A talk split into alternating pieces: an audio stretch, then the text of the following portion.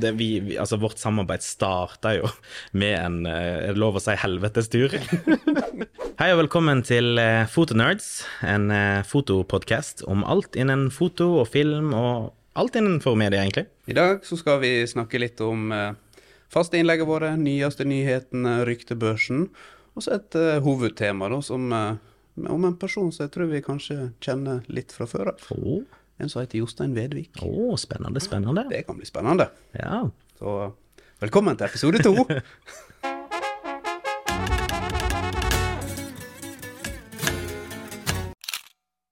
ja, nei, men skal vi begynne med de nyeste nyhetene? ja, de nyeste nyhetene. Eh, siden sist så har vi jo opplevd at Sony har lansert et nytt kamera. A93, som vi så vidt var innom eh, i forrige episode. Opp gjennom historien så kommer det jo ut visse teknologiske vidunderverk som på en måte revolusjonerer hele bransjen. iPhone var jo en sånn en for telefonen. Og eh, nå har jo Sony kommet ut med A93, og det som er det store med A93-en, er at den kommer med en global shutter. Det har funnes globale shuttere tidligere, f.eks. i store sånne cinemakamera fra Cannon f.eks. Men de koster jo 500 000 kroner. Men å ha en global shutter i et så lite kompakt kamera som A93-en er, og som er tilgjengelig for allmennheten, for nesten i alle fall, det er en stor nyhet. Og det er, jeg tror det er et revolusjonerende produkt vi ser, fordi at nå er på en måte steget tatt inn i si, hybridverdenen for Ja. altså både tar bilder og filmer. Ja, og så er det liksom forbrukermarkedet. Altså det, det er hobbyer kan kjøpe det, altså hobbyfotografer kan kjøpe dette kameraet. Altså nå er må du jo si at Prisen er jo relativt høy. Det er godt over 80 000 norske kroner for det kameraet der, så det er jo eh, en vesentlig, eh, vesentlig pris. Men, eh, men det er mer tilgjengelig enn de 500 000 som har vært tidligere. Nettopp. For du måtte ut med da. Og dette har jo vi merka de siste åra, at eh, mye av det, den teknologien som har vært i disse dyre kameraene, kommer ned til oss som, eh, som kan kjøpe disse her ja, litt ikke billigere, men Og det at det nå er kommet, bare det at det er kommet, ja. det sier jo litt om framtida, og at etter hvert så vil jo den teknologien her bli mer Mm. og mer utbredt blant de andre kameraene som kommer til å komme i framtida. Og de kameraene kommer til å sannsynligvis koste mindre enn det denne her gjør i dag, siden dette er førstegangsproduktet som kommer ut. da. Eh, nå har vi litt innom global shutter og hva det er for noe kontra den vanlige rolling shutter-sensoren som vi har i de vanlige kameraene i dag. Jeg vet ikke om, Skal vi ta en repetisjon på den? eller? kjapp, kjapp. Klarer du på under 30 sekunder? Sensorene i de kameraene vi har i dag, de tar bildet ovenfra og ned. Eller leser sensoren hver linje av megapiksler fra toppen og ned. Dette går på millisekunder, så det er jo relativt kjapt. Det som er med global shutter, er at han tar alle pikslene i én. Og det vil si at du slipper denne rolling shutter-opplevelsen med f.eks. rotorblad eller golfkølle som er bøy på. Fordi at de beveger seg kjappere enn det sensoren klarer å lese. Og dette her er jo spesielt godt for eh, bilfotografer, altså sportsfotografer generelt, dyrefotografer. Folk der ting er i bevegelse. Kjappe ting. Kjappe ting. Ja.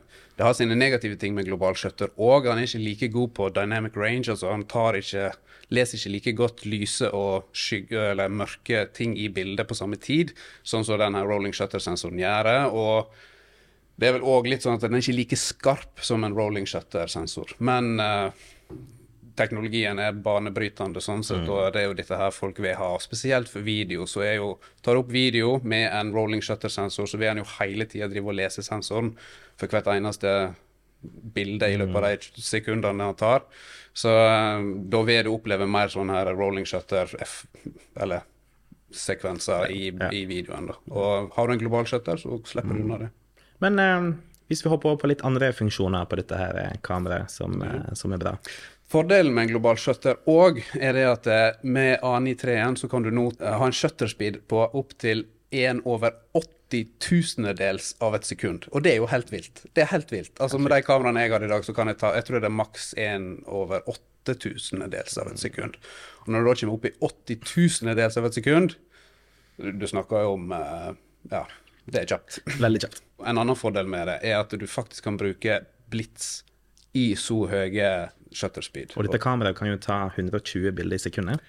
Det kan det, med visse forhåndsregler. Ja, ja. Du må ha F-en må være, kanskje være lavere enn 1,8, og du må ha native Sony-linse, og så videre og så videre. Så det er visse sånne ting som må være inn forbi, men muligheten er der. Det er der, eh, og det er jo helt sjukt, for da kan jo du faktisk eh, nesten ta bilde og lage slow motion ut av det. Altså, Ja, for at det skal sies når du tar med 120 frames i sekundet, som dette kameraet kan gjøre, så får du Du får ikke bilde for bilde, men du får faktisk en video. For at 120 frames i sekundet, det er jo det kameraene filmer i når du filmer med sakte, sakte film. Mm. Så du får en liten videosnutt, så du kan velge ut de enkeltbilder du har lyst til ja. å ha. Så eh, det er fantastisk teknologi, det vi nå ser framover. Mm. Og på videofronten så eh, har den den nyeste teknologien i Sony sine kameraer. Han har 10-bit, han har 422 logg. Det har man alt man trenger, egentlig. Fullverdig kamera, sånn ja. sett, altså. Så eh, meget imponerende kamera, men dyrt.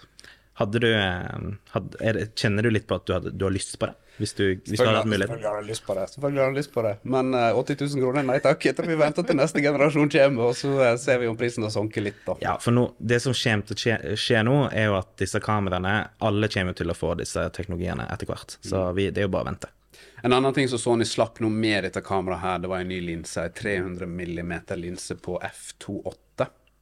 Men det som jeg syns var interessant med den linsa her, det var en liten ting som faktisk ikke var så veldig mye snakk om når linsa ble lansert og vi fikk alle disse videoene, og promovideoene om linsa, men det er det at den linsa har en integrert endefilter i enden av eh, Nei av uh, der du fester den omtrent litt til kamera. Altså. Det har ikke jeg fått med meg. Nei, og det, og det som òg er morsomt, vanligvis kan du tenke deg det at hvis de integrerer noe sånt, sånn, så ja, ok, da kan du kun kjøpe Sony-filter eller et eller annet sånt, men dette her er faktisk åpent for de fleste typer filtre som finnes på markedet. Du kan kjøpe et helt vanlig standardfilter i den størrelsen som da passer til den linsa, og så kan du bare putte det inn i, og så funker det. Genialt. Um, og så den tredje tingen som de egentlig ikke lanserte, men annonserte, kan vi heller kalle det. da det er en programvareoppdatering for uh, eh, A1. Det er toppmodellen deres når det gjelder hybridkamera. Men òg A7S3, mm. som uh, vi faktisk blir filma med ja. av det kameraet der i dag. Og dette har jo da vært veldig etterlengta? Det har vært veldig etterlengta. For at Sony har drevet og lansert kamera på kamera på kamera etter at disse toppmodellene kom. Mm. Og de koster mindre, og så har de flere features inn i seg. sant? Ja. Og blant annet dette her med focus breathing. Har du rette linser, så kan du få vekk focus breathing, fordi at kameraet alene kropper inn, og så regner han ut. Og mm. når du driver og zoomer, så slipper du den ja. her. Og det er jo veldig greit for, for mm. de som driver og filmer. Ja. Og den oppdateringa kommer til, til, de kameraene. og noe annet, Jeg husker ikke alt, men, mm. men det er i hvert fall en etterlengta oppdatering. Det er det, og der har jo vi som har Canon vært veldig heldige. Ja. Der har jo vi fått oppdateringer hele veien. Uh, R5 har jo fått spinnville uh, uh, nye funksjoner. Ja, og, det, og fra startfasen når Ken lanserte R5 med de overopphetingsproblemene som var, så var det nesten bare nødt til å komme med programoppdatering ja, ja. til for, å bli kvitt de problemene. Altså, jeg, jeg, merker jo ikke den overopphetinga lenger, så det ordner seg. Ryktebørsen. Du er nå sikkert interessert i hva ryktebørsen sier nå framover. Nå nærmer vi oss jul, nyttår og januar. Ja. Og i første kvartal så ryktes det at Ken skal komme med to nye kamera. Mm. De skal komme med tilsvarende toppmodellen til Sony, da, men da R1. Og de skal komme med R5 Mark 2. Iallfall så sier ryktebørsen det. Mm. Gleder du deg? Jeg gleder meg veldig, og jeg har jo satt uh, masse investeringer på vent, egentlig. Fordi at uh, jeg, jeg, håper jo at det skal komme et eller annet på nyåret som, som jeg uh, kan kjøpe. ja, for i dag har du R5, og um, ja. du merker at den er blitt noen år? Den er tre år gammel. Uh, og, og, det merker jeg. Og uh, når Sony nå har kommet uh, gang på gang på gang med nye, kule ting, så forventer jeg at Cannon skal steppe opp og, og få til noe nice. Med, der de fikser liksom alle disse problemene som har vært på R5-en. da. så bare det med at du slipper forhåpentligvis unna denne her 30 minutters record-limiten ja, på video, ja. den er plagsom. Ja, det merker vi jo bare her i denne podkasten her. Vi må av og til bare bort og trykke på record igjen. Ja. Så nei, så jeg gleder meg veldig. Og R1 òg blir spesielt veldig bra, fordi nå vet jo ikke vi hva som kommer inni her, men, men, eh, men f.eks. innebygd ND. da. Mm. Tenk hvis vi hadde fått det. Det tror jeg faktisk ikke kommer. Men, men, det hadde vært nice. Det hadde vært veldig nice. Men jeg er nå redd for at hvis at de kommer med det, så vil kamerakroppen bli relativt mye større enn ja. det den er i dag. Ja. For Du ser de kameraene som har innebygd ND, sånn som FX6 til Sony, filmkameraet mm. deres der. Det er jo et chunky kamera, det men det er jo beregna på video, da. Men allikevel, jeg tror nok det vil ta litt plass, skal de komme med det. Og C70 hadde vel innebygd. C70 har det òg, men småkamera som X100V Fujifilm ja. har innebygd enn det. Så det er mulig. Hva tenker du om global shutter i R1 og R5 Mark 2, da? Siden Sony har Jeg, lansert jeg, tror de, jeg tror de er for seine på ballen. jeg. Eh, jeg tror kanskje de ble tatt litt på senga. Uh, og det blir veldig overraska om de faktisk kommer ut med det. Uh, for da, det betyr jo at de må ha vært på samme Eller hatt det i utvikling på samme tid som Sony, egentlig. Ja, for Utviklinga på et sånt kamerasett tar jo mange Mm. år. Sånn, så De begynner jo planleggingsfasen sikkert tre-fire år i forveien når kameraet blir lansert. Ja. Og de skal jammen ha planlagt dette der godt, skal de klare å få det der inni. Ja. Hvis ikke de da kommer med en sånn her wow, se her. Ja, ja, plutselig, dette plutselig planla vi for mange Ja, år siden. Hvem vet, plutselig har de Global Shutter og en annen kul funksjon som ikke Sony har, og plutselig ligger foran Sony. sant? Så det er jo det man ikke vet med disse kamerafolka. Og det er jo det en er redd for nå, sant? at det kommer med R1 og R5 Mark 2, og så har ikke de Global Shutter, og så tenker en da kanskje at de henger bakpå. Men det jeg las òg, det var det at eh, selv om de de tror ikke at det kommer med Global Shutter, men de skal komme med en ny CMOS-sensor i disse her to kameraene her, som er stacka, men òg at de skal lese av vesentlig mye fortere enn det vi har sett fram til i dag. Da. Sånn at de sammenligner egentlig Det de vil ikke bli det samme som en Global Shutter, men det blir veldig opp til en Ja. Global Shutter. Så jeg tror nok det at uh, teknologien de kommer med når de lanserer de kameraene, det kommer Ja. til å bli bra. Det tror jeg. Så uansett hva som skjer, så vil det bli en oppgradering. Men jeg tenker vi skal gå over til dagens hovedtema. Eh, nå er jo dette en relativt nyoppstarta podkast. Jeg og du har hengt tenkt på det hver for oss en stund. Og så slengte jo du en melding til meg og 'dette skulle vi ha laga podkast om', men da gjør vi det. Ja, Så vi her, her sitter vi, Ja. på episode to. Hva er det, en og en halv uke siden? Ja, noe sånt. Jeg tror det er noe sånt. Ja. Men i alle fall så tenkte vi jo det at for de som hører på, og de som ser på på YouTube, de eh, kan jo bli litt mer kjent med oss. Så i dag tenker, tenkte vi at vi skulle ha som hovedtema Jostein Vedvik. Hvem er han? Så vi tar et dypt dykk i Jostein Vedvik. Ja, spennende. Så hvem er Jostein Vedvik? Hvem er Jostein Vedvik? Eh, Det er et veldig stort spørsmål. Hvem er jeg? Eh, vanskelig å svare på. Eh, men vi kan begynne med det enkle. Ja. Jeg er født og oppvokst i Førde by, i Sunnfjord, i Vestland fylkeskommune, eller Sogn og Fjordane, som vi liker å kalle det. Vi Yes. Sogn og Fjordane. Så sant. Og her har jeg eh, vært hele mitt liv, nesten. Eh, tok en tur innom Drammen og Oslo en liten periode, men eh, vært her stort sett hele livet. Eh, jeg er 26 år. Har drevet med foto siden jeg var 12 år. Jeg starta min eh, første bedrift, eller eneste bedrift, men det kan hende det blir flere. Uh, starta det når jeg var 18 år. Begynte å jobbe med foto da jeg var sånn 16-17.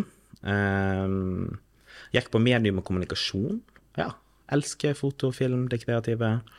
Uh, husker jeg når jeg var liten, uh, så, så når, når vi begynte å få disse kameratelefonene med én megapiksel, og gikk rundt og sprang og lagde små videoer og lagde litt bilder, og jeg syntes det var så gøy. Eh, Jeg husker at jeg hadde våte drømmer om sånne kameratelefoner som kom på markedet, så jeg aldri fikk lov til å få av mor og far. så nei, så det har vært med meg lenge, da. Eh, og på fritida så det, går det i Røde Kors og musikk og ja, litt forskjellig. Du er egentlig en travel mann, da. Ja. Du har mye å holde fingrene i. Du sier medie og kommunikasjon, så du har gått litt skolegang med tanke på det du driver med i dag, da. Men har du en formell fotoutdanning, eller er det mediekommunikasjon, og så er du på en måte sjøllært etter det? Eh, nei, jeg har ingen formell utdanning. Eh, min, min erfaring har jo kommet fra selvsagt medium og kommunikasjon, men òg YouTube. YouTube har jo vært min lærer. Det er jo her, der jeg liksom har fått uh, all ny kunnskap, egentlig. Og selvfølgelig det å bare springe rundt og prøve ting sjøl og teste ting og si ja til ting man ikke burde si ja til. Altså for eksempel uh, jeg, skulle, jeg skulle gjøre en uh, tvilling uh, babyshoot en gang, og jeg hadde ikke peiling på å ta babyportrett og sånne ting. Men jeg bare Skit, la gå. Vi prøver. Og da har jeg lært meg det. Det er litt sånn som Pippi sier at eh, nei, dette har jeg ikke prøvd for, men det kan jeg helt sikkert. Så Ja, ja. Liksom. ja, det er litt, um... Så, så jeg hopper jo med hodet først ofte, da. Ja, men så går det veldig bra. Uh, interesse på fritida, du sier Røde Kors og sånne ting, men jeg har jo Veit jo da at du driver med litt musikk òg på si. Hvor, eh, hvor, hvor det kommer ifra? Nei, det er et godt spørsmål hvor det kommer fra. Jeg husker jo eh, jeg husker The Voice på, på TV-en når det var sånne musikkvideoer som gikk på rundgang der. Eh, og så så jeg på det, og så syntes det var så kult med artister. Jeg synes det, var, liksom, det å være artist er gøy og kult, liksom. Så jeg tenkte sånn, som en 14-åring tenkte jeg jeg må prøve, jeg òg. så jeg begynte å prøve. Jeg husker jeg, eh, jeg husker jeg hadde et rappspill som heter Rap God eller Rap Hits eller hva det var på PlayStation. Og der fikk du med deg en sånn mikrofon med USB. Og da kobla jeg den til PC-en, og da hadde jeg plutselig en mikrofon til PC-en. Eh, og så prøvde jeg meg litt, og sånn, og så begynte jeg å recorde litt sanger her og der, og skrive litt. Og, og skriving har alltid, jeg alltid syntes var gøy. Skrive sanger. Eh, så jeg skriver jo både for meg sjøl og andre, eh, og syns det er veldig gøy. Eh, og så har det egentlig bare bare blitt en gøy reise, egentlig, med, som en hobby, da. Jeg har jo aldri prøvd å bli superstjerne, liksom, eh, men, men, eh, men, det er gøy å skrive musikk og få mine tanker ut på den måten. da. Mm.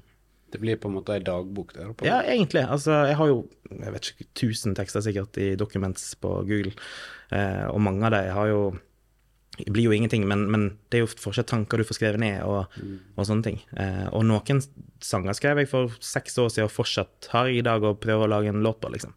Så det er en utvikling sant, hele tida. Ja. Det, er jo mange, så, det er jo mange som skriver tekster ut ifra egne erfaringer. Altså Taylor Swift skriver mm.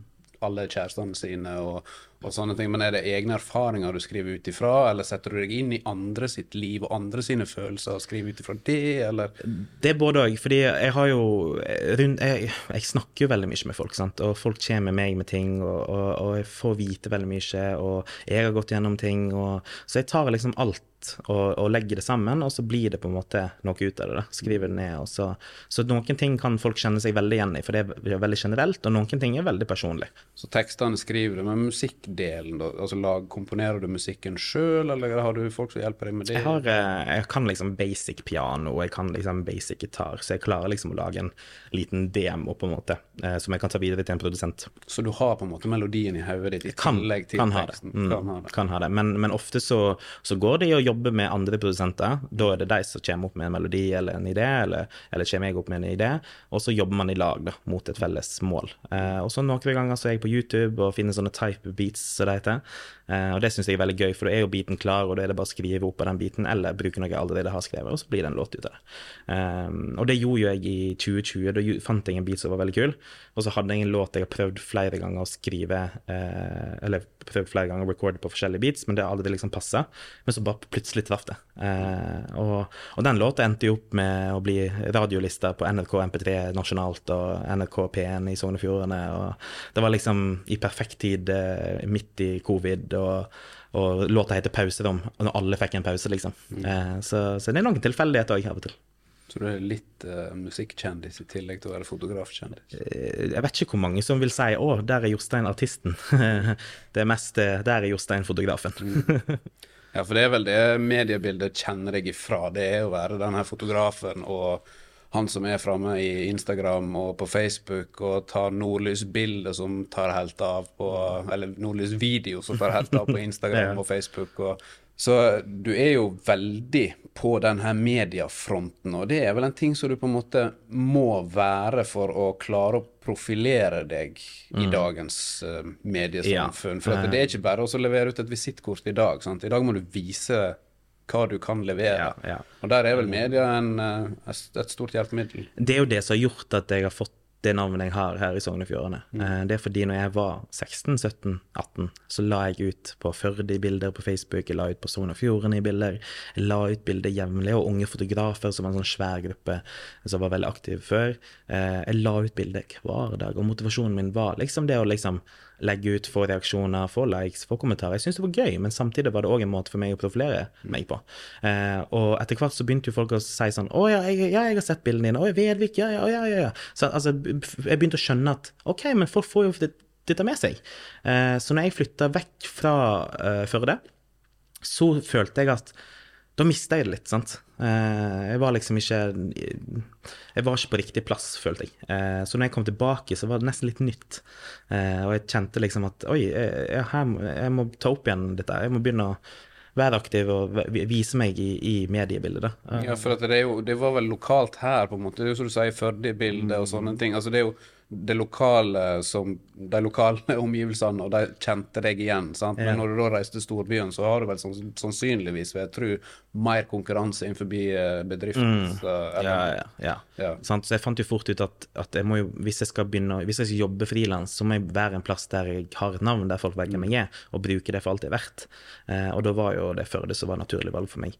Men det er litt gøy, fordi Unge fotografer er jo en side som har 60 000 følgere. Eh, og der var jeg superaktiv når jeg var sånn 16-17-18. Eh, og det er litt gøy, for jeg møter folk faktisk fortsatt som sier sånn Å ja, men deg så jeg hele tida på Unge fotografer! Sånne randomme folk som eh, ja, ikke kommer fra før det. Så det er litt gøy, da. Men eh, det er jo av og til at en eh, lurer jo litt på når en eh, tar bilde. Altså, en har jo en genuin interesse for å ta bilde og være kreativ den måten, på den måten. Men med de sosiale mediene som er i dag, og all den feedbacken en får, det det er jo en boost i seg sjøl. Men hvis du hadde tatt vekk all den her feedbacken fra sosiale medier, la oss si sosiale medier ikke hadde funnes, tror du likevel at du hadde vært så aktiv som du har vært opp gjennom tida, tatt bilder hver dag, men da kun for deg sjøl? Ja, fordi det ligger jo litt i eh, Det ligger jo litt i hjertet, da, det der med foto og film. fordi at det har jo drevet med siden jeg var tolv. Før det var Facebook og sånne ting. sant? Jeg sprang jo rundt og lagde ting, syntes det var kjempegøy. Og, og hvis, eh, hvis folk spør meg eh, hvordan jeg var når jeg var sånn 13-14-15, så sprang jeg rundt og tok bilder alltid på disse her sammenkomstene vi var på. Jeg ville alltid dokumentere ting. Jeg tror jeg har en sånn trang til å dokumentere. Jeg syns det er veldig gøy. Ta vare på Eh, minnene. Ja, ta vare på minnene. Jeg lagde jo minnevideoer og sånn, liksom.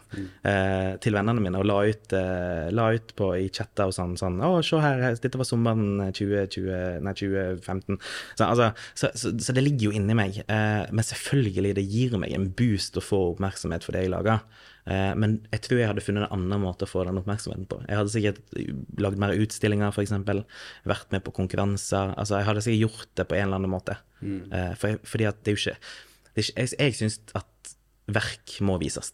Det du lager, det må vises til noen. Det er til for å deles. Ja, det er for å deles, det er for å skape reaksjoner, det er for å skape følelser. Eh, og, og, og det å dokumentere og vise. Altså, jeg elsker å vise Sogn og Fjordane, eksempel. Altså, jeg, jeg lever for å reise her og vise hvor flott Sogn og Fjordane er. Eh, så det kommer jeg alltid til å gjøre. Og du og Sol Fure har jo hatt et godt samarbeid der. og mm. reist mye rundt og tatt mye kjolebilder og. Ja. bilder av uh, fjelltopper og Ja. utsikter som mange aldri opplever fordi Ja. de ikke går opp der. liksom. Ja, ja, det, vi, vi, altså Vårt samarbeid starta jo med en eh, Er det lov å si helvetes tur? altså, jeg, jeg sendte jo en melding på Instagram bare 'Hei, vi må få til noe'. Uh, og så uh, plutselig sendte hun tilbake og bare sånn 'Ja, vi, vi La oss ta en fjelltur'. og jeg bare 'Ja, ja, ja, ja, jeg er med, jeg'. Uh, og så sa hun ja, vi går til Hornellen, og jeg tenkte ikke så mye over det. Jeg, jeg bare sa ja, jeg. Jeg leste ikke så mye om hvor høyt og hvor vanskelig den turen er. Eh, Så dro vi gry tidlig på morgenen. Jeg tok ikke med meg solkrem, jeg tok ikke med meg vann, jeg tok ikke med meg gnist. Jeg var, så, jeg var så dårlig forberedt. Og jeg tenkte vi kunne kjøpe det på butikken, men vi dro så tidlig at butikken var ikke åpen. sant? Så alt var jo bare sånn tullete fra min side. da. Men, eh, men vi begynte jo å gå opp på dette, fjell, dette fjellet. Det er jo ganske bratt, for å si det sånn. Det er liksom rett opp, og det, det er høyt. Det, du begynner på havnivå, og det er 860 meter høyt, eller noe sånt. Eh, så, men eh, uansett så, så kom vi oss eh, opp, og de siste 50 meterne husker jeg at da sa jeg til henne faktisk «Eh, Kan vi snu nå? Vær så snill. og da hadde vi tungt utstyr. Hun hadde med seg bord, for hun skulle liksom stå på hender på sånne canes, eh, og det var liksom fullt opplegg sånn. Men med en gang vi kom opp, så var jeg ikke sliten lenger. Da kreativitet, Da begynte kre eh, yes, kreativiteten tok over. Mm. Eh, og da, da, jeg blir jo fylt med adrenalin. Mm. Sant? Altså, eh, jeg sitter og smiler her mens jeg uh, sier dette, fordi at det er noe med den der kreative bobla. Da, da glemmer jeg alt i verden. Altså, Med en gang man er rundt fine, flotte folk og gjør kreative ting, da, da er det ingenting da, Altså, ja. Verden kunne gått under, og jeg hadde ikke fått det med meg. Så, så, så det var veldig kjekt. Og da starta det, det fine samarbeidet med Ingeborg, og vi har jo vært på mange flotte turer, mange fine oppdrag. Vi har gjort uh, utrolig masse gøy, og hun er utrolig kreativ og flink. Og den stå-på-viljen hun har, det, det tror jeg ingen oss har. Fy søren for ei dame. Så ja, nei, helt sjukt. så, I tillegg til hun, så har du jo, du har jo andre folk du jobber med om du, bedrifta di er på en måte selvstendig, men, men du er jo avhengig av samarbeidspartnere i denne her bedriften din, og alle de jobbene du gjør rundt om. Og jeg vil jo tro at det å ha samarbeidspartnere, men òg bare kontakter rundt om, gjør til at eh, du får mer oppdrag og ja, kunder bare på, på grunn av det. Ja, det er noe med å uh, Det er noe med å skape et nettverk i hele Norge, egentlig. Eh, vi reiser jo Altså, jeg har jo fått med en sånn gjeng nå som jeg reiser hele Norge med, sant, på forskjellige ting. Uh, og, og vi sant, Både folk i Oslo, folk i Bergen, folk i, oppe i nord. Altså, det er folk overalt som jeg har blitt kjent med. Så måten jeg har skapt meg et nettverk på i Norge, det har vært gjennom Instagram. Eh, jeg har brukt Instagram eh, som en sosial arena som det er. Eh, og istedenfor å bare legge ut ting, så har jeg òg brukt det til å ta kontakt med folk, skape avtaler. Eh, si til folk sånn Hei, skal vi ta oss en hyttetur, reise dit og lage noe kult i lag? Og så gjør vi det. Eh, og dette konseptet har jo jeg drevet med siden ja, 2017, kanskje. Og, og på den tida har jeg blitt kjent med utrolig mange folk i hele Norge via Instagram. Eh, og jeg husker en gang jeg var i Lofoten eh, med en venninne, eh, og da skulle jeg bare besøke henne, liksom, fra folkehøgskolen. Eh, men så plutselig så jeg at mine venner fra Instagram og folk jeg har møtt litt før, var òg i Lofoten. Så da bare hei, skal vi møtes og ta oss en tur? Og det ble jo en av de mest minnerike turene jeg har vært med på. Eh, sant? Så, så det nettverket er gull verdt. Dette med Instagram og, og sånne ting En er jo heldig egentlig der, for at Instagram og Facebook de har jo sine algoritmer. sant? Altså, Du er interessert i foto, og da han, han viser deg jo mye ut av det som du er interessert i. sant? Og på den måten så vil du jo sikkert se andre sine, sine kreative utspill og det de legger ut og sånne ting. Så du vil jo sikkert få veldig mye gratis via de sosiale mediene vi har i dag. Og sånn sett er vi jo veldig heldige med tanke på sosiale medier kontra sånn som det var før i tida, der du omtrentlig var låst til den plassen du var. Sant? Og du Ja. var nødt til å fysisk ta kontakt. Så det er jo mye enklere i dag å oppnå denne her, her eh, connection med andre som Ja. har samme interessen. Det, det, er veldig lav terskel å, å ta kontakt, eh, og det er jeg utrolig glad for. Eh, hadde vi måtte begynt å banke på dørene til folk, sånn som vi gjorde i før i tida, så hadde det ikke vært like lett. Vi snakket litt i stad om dette her med om, om sosiale medier ikke hadde eksistert. Uh, en er kunstnerisk, og en ønsker å dele det en lager. Men er det visse ting som du tar bilde av? Er det visse ting som du lager som du tenker 'dette er mitt'? Det er visse ting som du ikke legger ut. Er det ting du tar vare på som er ditt? Mm. Jeg deler jo det meste. Mm. Det er jo mer sånn eh, Nei, familieting. Altså, ja. Familie, venner. Sånne ting som bare blir lagt i et album. Men det deler jo for så vidt det òg. Altså, jeg, jeg, jeg er jo veldig åpen. Jeg deler jo alt. Sant? Det er ikke egentlig noe jeg ikke deler. Nei, for det er vel litt mer det som vi snakket om, at denne her feedbacken, det å få likes, det å få bekreftelsen på at det du faktisk lager, er bra, folk liker det. Det gir jo en ekstra boost til å fortsette med Det gjør det. Og så gir det faktisk en pekepinn på hva som funker, hva som ikke funker. Er du på rett vei? Ja, fordi jeg merker det at legger jeg ut eh, bilde av landskap, f.eks., eller natt i himmelen, eller nordlys, eller Da tar jeg det helt av. Eh, altså ikke helt av, men det, da får jeg god oppmerksomhet. sant? Men legger jeg ut f.eks. et kreativt portrett, f.eks., noe som er kanskje litt sånn rart, kanskje litt sånn veldig kunstnerisk, eh, kult lys, eh, som jeg tenker wow, dette her dette er kult, liksom. Dette her er nice. Så får jeg ikke noe oppmerksomhet. Men det er fordi mine følgere de er vant med De følger meg for landskap, natur eh, og alt det der. Eventyrene mine. Eh, men kanskje ikke det mer kunstneriske. Føler du at du er litt på en måte låst fordi at du har fått følgere pga. naturbildet og den type ting, og at du da ikke klarer å utfordre deg sjøl mer på andre ting som du kanskje òg kunne tenkt deg å utforske mer? Skal jeg være helt ærlig, så ja. Eh, spesielt på Instagram. Eh, så, så, så har jeg noen perioder i livet mitt der jeg har liksom lagt ut mer det jeg vil, eh, men så ser jeg at det går litt nedover på, på likes og kommentarer og, og followers og alt. Eh, og så mister jeg litt motivasjon av det. Eh, og så legger jeg ut mer det folk på en måte vil ha. Eh, og så hjelper jo det selvfølgelig litt, men, men jeg kjenner at jeg er litt låst, ja. Eh, spesielt nå når jeg flytter fra Oslo, så, eh, så merker jeg det at jeg er ikke my like mye ute lenger og tar portrett, f.eks., eller lager kreative ting med, med venner, for jeg har ikke den, de kreative vennene mine her så mye, like masse jeg hadde i Oslo. Og da får du heller ikke den der eh, boosten av å ha folk rundt deg når du lager ting. For det hjelper veldig på òg på å legge ut ting. sant? Er du en gjeng som gjør det, eh, enn bare meg alene. Eh, Du står veldig alene i det, da. Eh, så, så, så Instagram har mye å si på om, jeg, ja, om hva jeg skal legge ut, da. Mm. dessverre. Men eh, Oslo kontra Førde. sant? Oslo, store kreative storbyen i Norge, og du har sannsynligvis du har alt mulig all, alle mulige slags typer folk som er interessert i masse masse forskjellige ting. Eh, kontra Førde, Sunnfjord, den eh, traute sunnfjordingen som er vanskelig å nå inn til. Ja.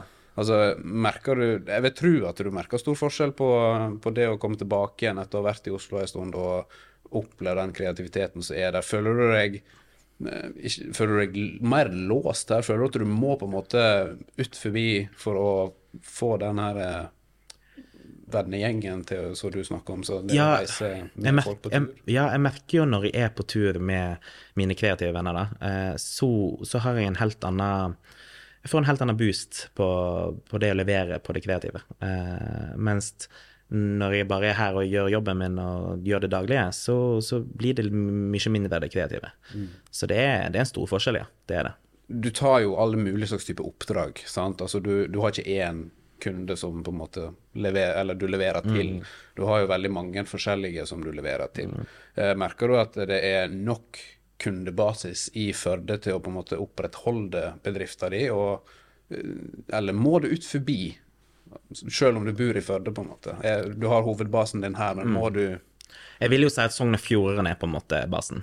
Eh, selv om det meste skjer i Førde, så er det Sogn og Fjordane eh, som er basen, ja. Og det er mer enn nok å ta av i Sogn og Fjordane. Det er det. Eh, og jeg tror at det handler bare om å bare være på, eh, vise seg, være på arrangement, eh, være rundt eh, og skape et nettverk. da. Sånn som nå når jeg flyttet tilbake igjen til Førde, så, så kjente jeg det var litt vanskelig å komme inn igjen i, i bransjen her i Førde da, og i Sogn og Fjordane. For da, var jeg liksom vært vekk i noen år, sant? Og, og det har vært, kommet nye folk inn, nye aktører inn og gjør det samme som meg. Så jeg måtte jo på en måte ta litt plass igjen, da. Eh, og det følte jeg Eller jeg føler jo at jeg har gjort det nå, da. Eh, og, nå, nå, og det hjalp veldig å komme på Peak, eh, et sånt kontorfellesskap i Førde, eh, der mange andre teknologibedrifter og kreative bedrifter er. Som gjør at jeg da òg blir kjent med viktige folk som kan gi meg jobber, da. Eh, så det funker veldig bra. Mm. Ja, det er jo her i peak vi sitter her i dag, sant, for å lage denne podkasten her. Yes. Så det er jo det, Mulighetene er jo her, sant. Men eh, det som du sier, jeg tror nok det er at Førde og Sunnfjord og det er, Vi er trauste, og vi er vant med det vante, og denne, det er mange kunstneriske sjeler rundt om i Førde, sant. Men de, de, er, altså, de utpeker seg, på en måte. Mm. Føler du at du er en del av den gjengen som utpeker seg her i Førde? At det er Opplever du at folk sier 'Der er Jostein! Der er han!' Altså. jeg er nok ikke på nivå med Oddvar Torsheim, det er ikke jeg. Men, eh, men jeg vil nok si at jeg er en av fjesene til Sunnfjord. Og det håper jeg at jeg er med på å gjøre, at jeg er med og bidrar på en positiv måte i Sunnfjord. Og, og, og drive med mm, hva skal vi kalle det, framsnakking av eh, Førde, og vise Førde og Sunnfjord på best mulig måte. Um, for det er jo egentlig det litt av jobben min òg. vise hva Førde har å tilby, hva Sunnfjord har å tilby, hva Sogn og Fjordane har å tilby. En ambassadør. Eh, Jeg liker å være det. eh, Ambassadør for plassen. Og, og, og alle mine venner er alltid sånn der ah, 'Vi må dra til Vestlandet, vi må dra til Vestlandet', for de veit hvor varmt jeg har snakka om Vestlandet, og de elsker å komme hit. Eh, så nå mangler vi bare at de flytter hit. Ja, for at det er vel kanskje litt sånn at når en eh, går her, ser fjellet, og det er på en måte det som er vant Det en er vant med å se, så er det på en måte ikke like stort som for de som kommer fra Oslo, f.eks., og kommer hit og ser hvordan vi egentlig har det. For det kan jo hende at en bør se litt mer opp for oss, eller vi som bor her, bør se litt mer opp og se hva vi faktisk har eh, av landskap og Vi er utrolig heldige som bor her, og det å få jobbe her og drive på sånn som eh, jeg driver på med, herregud, det, det setter jeg stor pris på. Og du sier at det er mer enn nok å ta av her i Førde, så da tar jeg utgangspunkt i at bedrifter går bra, da. Den går veldig bra. Eh, I år så har jeg nådd omsetningsmålet mitt og er veldig fornøyd med det. Og jeg er, jeg er egentlig bare veldig spent på nyåret. Eh, for det er alltid litt sånn skummelt når du føler du har nådd et mål, eh, så må jo du òg på en måte opprettholde det nivået, da. Sant? Eh, så neste år blir jo veldig spennende. Men jeg har allerede hørt at folk har lyst til å fortsette å samarbeide med meg, så det er jo bare positivt. Som selvstendig næringsdrivende så er det jo Du har ikke den der trygge basislønna så lenge du ikke på en måte har en fast aktør du leverer til. sant? Mm. Så det må jo være litt nervepirrende til, altså selv om det er mye kjekt du er med på, sant? du får reise på mye turer, du får møte mye folk, du får oppleve mye forskjellig, som mm. er veldig positivt, sant? så er du allikevel på jobb. Uh, du har en viss usikkerhet med tanke på inntekt, og du, så lenge du jobber sånn som du gjør med at du ja. er du er soloartist, skulle jeg si, sant, innenfor faget. At du, du har Hvordan føler du det som selvstendig næringsdrivende? Altså, du har alt det positive, men men hva med det negative? Hvordan er det å takle det? Ja, um, jeg kan jo gjøre, gi et døme på i fjor, eller i fjor, det er jo faktisk i år. Mm. Januar i år så uh, følte jeg alt bare gikk nedover. Jeg, jeg hadde ingen jobb, fikk ingen oppdrag. Uh, det var kaldt, det var mørkt. Uh, det, var, det var litt ting som skjedde på personlig plan som ikke var helt bra. Det var Ting var bare kjipt. Uh, og jeg husker jeg la, et, la, ut et innlegg på Instagram i den perioden der jeg sa liksom at jeg visste ikke helt om jeg var på riktig vei, uh, og, og, forklarte det at det, det, ser kanskje bra ut i sosiale medier, og jeg legger ut masse fine ting og turer og sånt, men, men dere må vite at sånn er ikke det. Det er ikke bare gull og grønne skoger, liksom. Det, det er vanskelig. Uh, og den perioden der så husker jeg at jeg måtte enten gi opp søke jobb og få meg en fast jobb eller et eller annet, eller fortsette. Jeg valgte jo da å fortsette, og er glad for det i dag. Eh, for når mars kom, så, så begynte ting å gå oppover. Eh, og i april så ja, tok det helt av. og jeg har vært heldig og, og hatt jobba veldig sånn kontinuerlig egentlig siden april-mars til nå. Uh, og jeg trodde når omsetningsmålet ble nådd at noen kom til å roe seg litt ned, men det har det da altså ikke gjort. Så kjekt da. Så jeg har jobb i november-desember òg, mest sannsynlig. ja, det er jo veldig kjekt. Mm. Men det er jo som du sier, at en legger jo ofte ut veldig mye av de positive tingene, sant? men en ser ofte ikke den negative sida med ting. For det er jo både positive og negative mm. sider med, med, det meste her i livet. Ja. Og um, det med å være selvstendig næringsdrivende, selv om det er noe veldig, veldig kjekt, så byr det jo på sine jeg kjenner på det. Ja. Eh, spesielt skatt og liksom moms og det å holde styr på alt. Sant? Det, det, det, det henger på skuldrene. For som selvstendig næringsdrivende fotograf, så er ikke du bare en fotograf. Du må på en måte ta hånd om både eh, reklamering og økonomi, og det er veldig mye som følger med det å være selvstendig, næring, selvstendig næringsdrivende. Mm.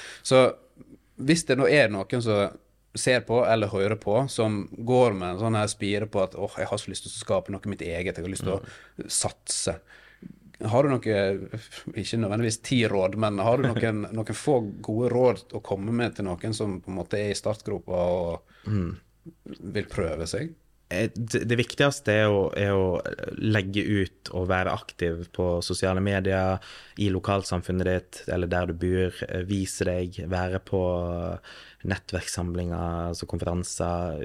Du må vise deg. Du må, du må være en person veit om. For så lenge det, ingen veit om deg, så vil du ikke du, du, kan være, du, kan være, den beste fotografen i verden, men hvis ikke du viser deg, så hjelper ikke det. Mm. Uh, så, så, det er faktisk mitt beste tips, egentlig. Vis deg, eh, vis hva du kan. Eh, og så, selvfølgelig, må du være dyktig, du må vite hva du kan. Men faktisk så er det vikt, nesten viktigere eh, å være et godt menneske, være en folk liker å samarbeide med, eh, enn at du leverer best av alle i verden. Du kan levere litt mindre godt, men vær kjempeflink og vær på tide, vær en hyggelig fyr. Eh, sant? Istedenfor. Eh, men selvfølgelig viktig å kunne sine ting. Absolutt. Ja. Sånn uh, avslutningsvis, da. Eh, hvis en tenker Du har uh, hatt din uh, oppganger, du har hatt dine nedganger, du har møtt litt veggen her og der, og, men du står jo ganske godt stødig nå på en, på en god oppoverbakke. Um, mm. Hva tenker du om framtida? Hvordan ser framtida til Jostein Vedvik og Vedvik Foto fotografi ut? Ja, godt spørsmål, godt spørsmål. Um, målet mitt er å få flere faste kunder uh, og samarbeidspartnere. Uh, folk jeg kan jobbe litt tettere på med uh, liksom litt, litt, lengre prosjekt, kanskje litt større prosjekter. Uh, eh, litt sånn ting som går over flere måneder. Det har vært gøy.